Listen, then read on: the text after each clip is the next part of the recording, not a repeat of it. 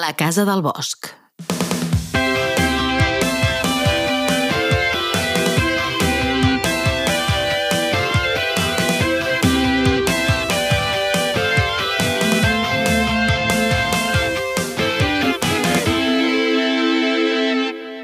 Capítol 3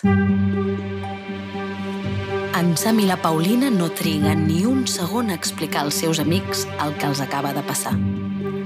Comença a xerrar la Paulina. Flipareu!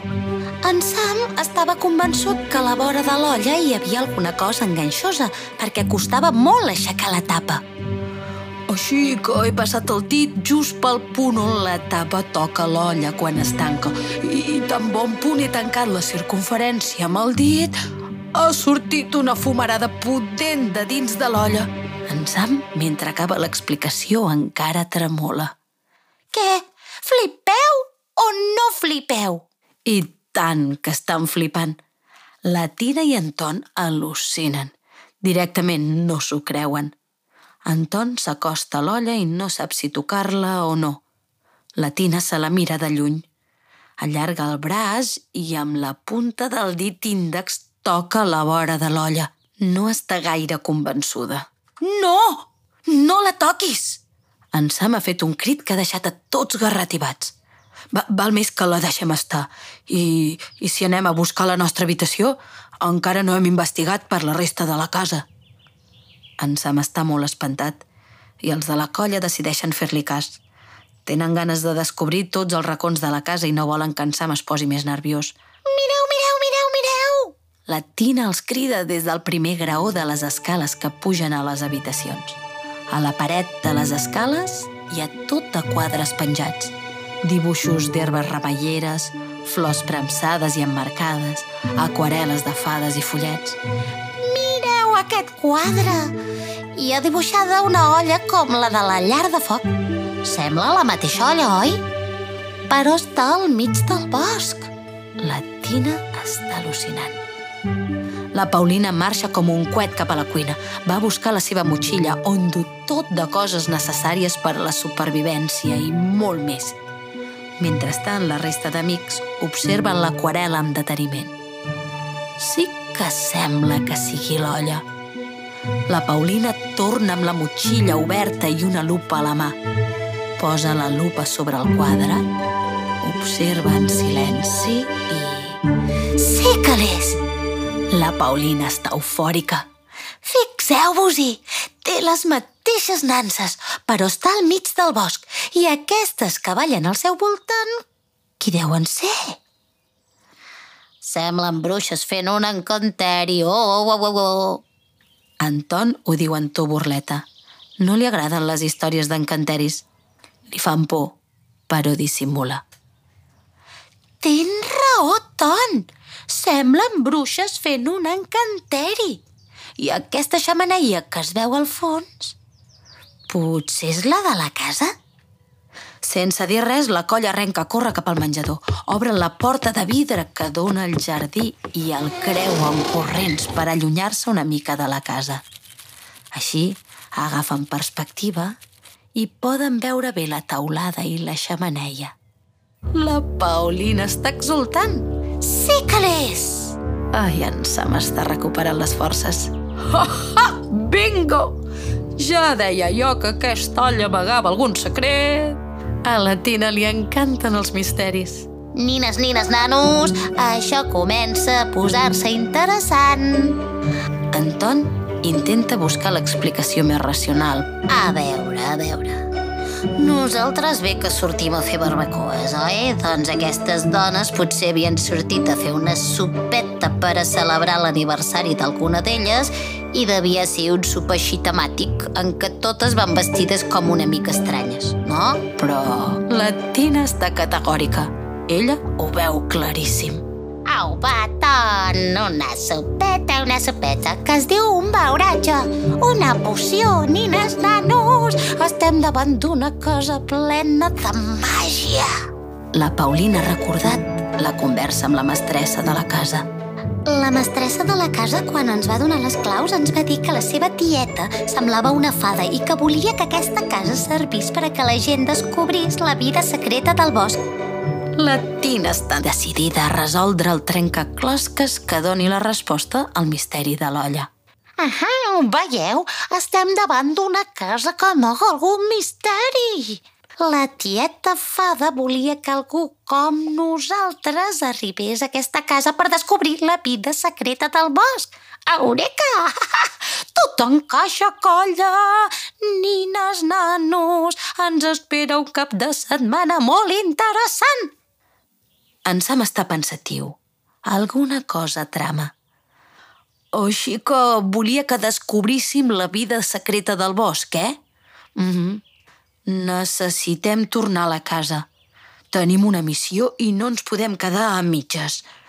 Reconec que al principi no m'ha fet gaire gràcia el tema, però ara veig clar que hem de resoldre aquest misteri. És la nostra missió. Sembla que en Sam està processant tot el que els està succeint i s'estan passant les pors. Anton segueix amb el seu posat burleta. És clar, és clar. Hem de tornar a l'escenari del crim i reproduir els fets. si fos per ell, sortirien al jardí a jugar a pilota fins a l'hora de dinar. Però els altres no semblen voler canviar de joc. L'únic que Anton ha aconseguit és engrescar encara més la tina. Sí, molt bé, ton bona pensada, i és que tinc un germanet. Tornem a veure l'olla, si vols, Sam. No cal que la toquem. Però... Sense donar temps que acabi la frase, en Sam i la Paulina han entrat com un llamp fins a la sala i ja estan al voltant de l'olla. Anton xuta quatre pinyes i el segueix. Quin remei. La Paulina agafa la tapa, disposada a tapar l'olla de nou i tornar-la a obrir. Però quan la té enlairada, en Sam l'atura. Alto, Paulina, que hi ha una inscripció! Hi ha uns gargots rascats en el ferro de la tapa, on diu En aquesta olla s'ha cuit amb tots els ingredients. I ja no hi ha res més escrit. O potser sí. Sembla que hi ha més gargots, però no es poden acabar de llegir. Però què deu voler dir? En aquesta olla s'ha cuit amb tots els ingredients. En Sam està rumiant. De quins ingredients deu parlar? Anton sempre prova de trobar l'explicació a totes les coses. Si busquem per la cuina, potser trobarem algun llibre de receptes amb ingredients i sabrem de què ens parlen. Veureu que no hi ha res misteriós en aquest assumpte. Potser en aquesta olla s'hi feia sempre la mateixa recepta i hi havia els ingredients escrits però a la resta de la colla els agrada més pensar que aquest missatge mig esborrat amaga algun misteri i decideixen tornar fins al quadre. Potser es veu la tapa de l'olla i la inscripció. Però no. Al quadre apareix l'olla sense cap tapa. Caldrà buscar per algun altre lloc. La Paulina comença a imaginar-se que forma part d'una novel·la de màgia i misteri i si pugem a les habitacions? Potser a dalt hi ha una biblioteca plena de llibres d'encanteris. La idea de la Paulina ha quallat i decideixen pujar al primer pis. És una casa molt vella, amb el terra de fusta i els graons cruixen quan comencen a enfilar-se escales amunt. Miren detingudament tots els quadres que hi ha penjats. Flors premsades i emmarcades, dibuixos d'herbes remeieres, aquarel·les de fades i follets. Arriben al primer pis. Hi ha dues portes. Una és el lavabo i l'altra és una habitació amb dues lliteres, sense cap llibreria. I a la maleta de la Polet, la mare de la Paulina. Deu ser l'habitació on dormiran els grans. Decideixen pujar al segon pis. Per a pujar al segon pis, l'escala és més estreta, és molt estreta i més dreta és molt dreta. Sembla una escala de vaixell. Vigileu, no caigueu! Crida la Tina, que s'ha quedat l'última i ja s'imagina que si cauen Sam, que està dalt de tot de les escales carregat amb la motxilla, pot provocar una caiguda en cadena i baixarien tots, motxilles incloses, rodolant escales avall, com unes bitlles. Mireu, mireu, aquí hi ha quatre llits! En Sam ja és a l'habitació. Pugeu, però vigileu amb el cap, que el sostre és molt baixet. I és veritat. L'habitació està a les golfes, sota taulada.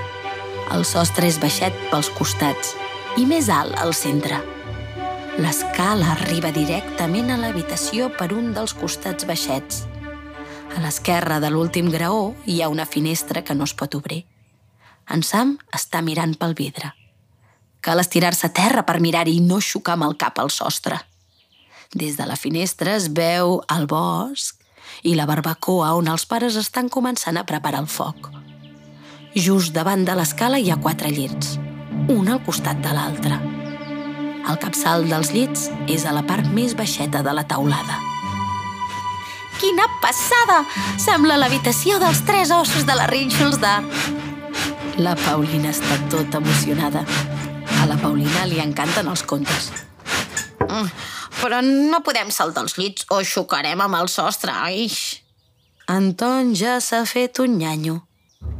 Correu, veniu, veniu, mireu, mireu, mireu, correu, veniu! La Tina ha fet una troballa. En una de les parets altes de l'habitació hi ha una prestatgeria plena de llibres. En arribar a les golfes, la Tina hi ha anat directament i s'ha posat a remenar a veure si hi trobava algun receptari. Eureka! Mireu què hi diu! Mandonquilles que fan riure, magdalenes de la por. És un llibre de receptes. Les hem de fer.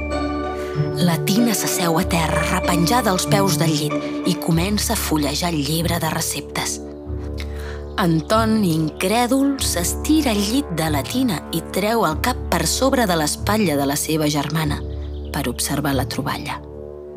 En Sam deixa de mirar per la finestra i es llença al llit. Tan llargarut com és, treu el cap per l'altra banda del caparró de la Tina Junts comencen a fullejar el llibre i a llegir els títols de les receptes. La Paulina, mentrestant, s'acosta a la llibreria i es posa a xafardejar els altres llibres. Li criden molt l'atenció. Tenen alguna cosa especial. Potser és la pols que els cobreix, el color de les tapes mig descolorides, l'olor dels fulls. N'ha obert un que està en blanc. Mireu! Aquest llibre està en blanc! Potser és un llibre de tinta màgica i amaga la part de la frase que ens falta per desxifrar l'enigma de la tapa de l'olla. En Sam de seguida connecta idees. Potser sí. Potser està escrit amb una d'aquelles tintes especials i perquè es pugui llegir cal tirar-li suc de llimona. Per la finestra he vist que al costat de la barbacoa hi ha un llimoner. Voleu que ho provem?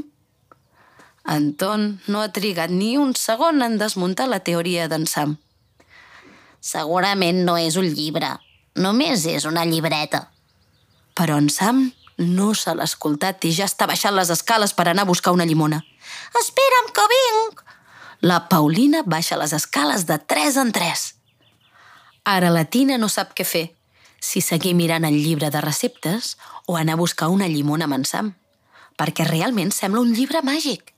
I pot ser que amagui algun text que els ajudi a resoldre l'enigma de la frase inacabada que està escrita a la tapa de l'olla. Però és que el llibre de receptes sembla ben bé que estigui escrit per a fer encanteris. Espaguetis d'abraçades, verduretes de petons... És molt sospitós. Què creieu que farà la Tina? Què faríeu vosaltres? Escolteu el capítol 4 i descobrireu què fan els tres amics.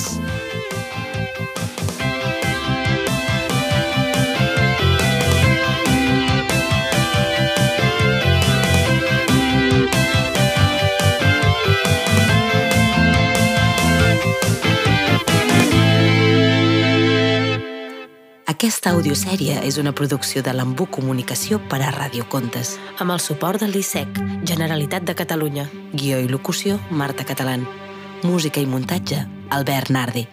Troba més històries a radiocontes.cat, l'indret on les paraules sintonitzen amb la imaginació.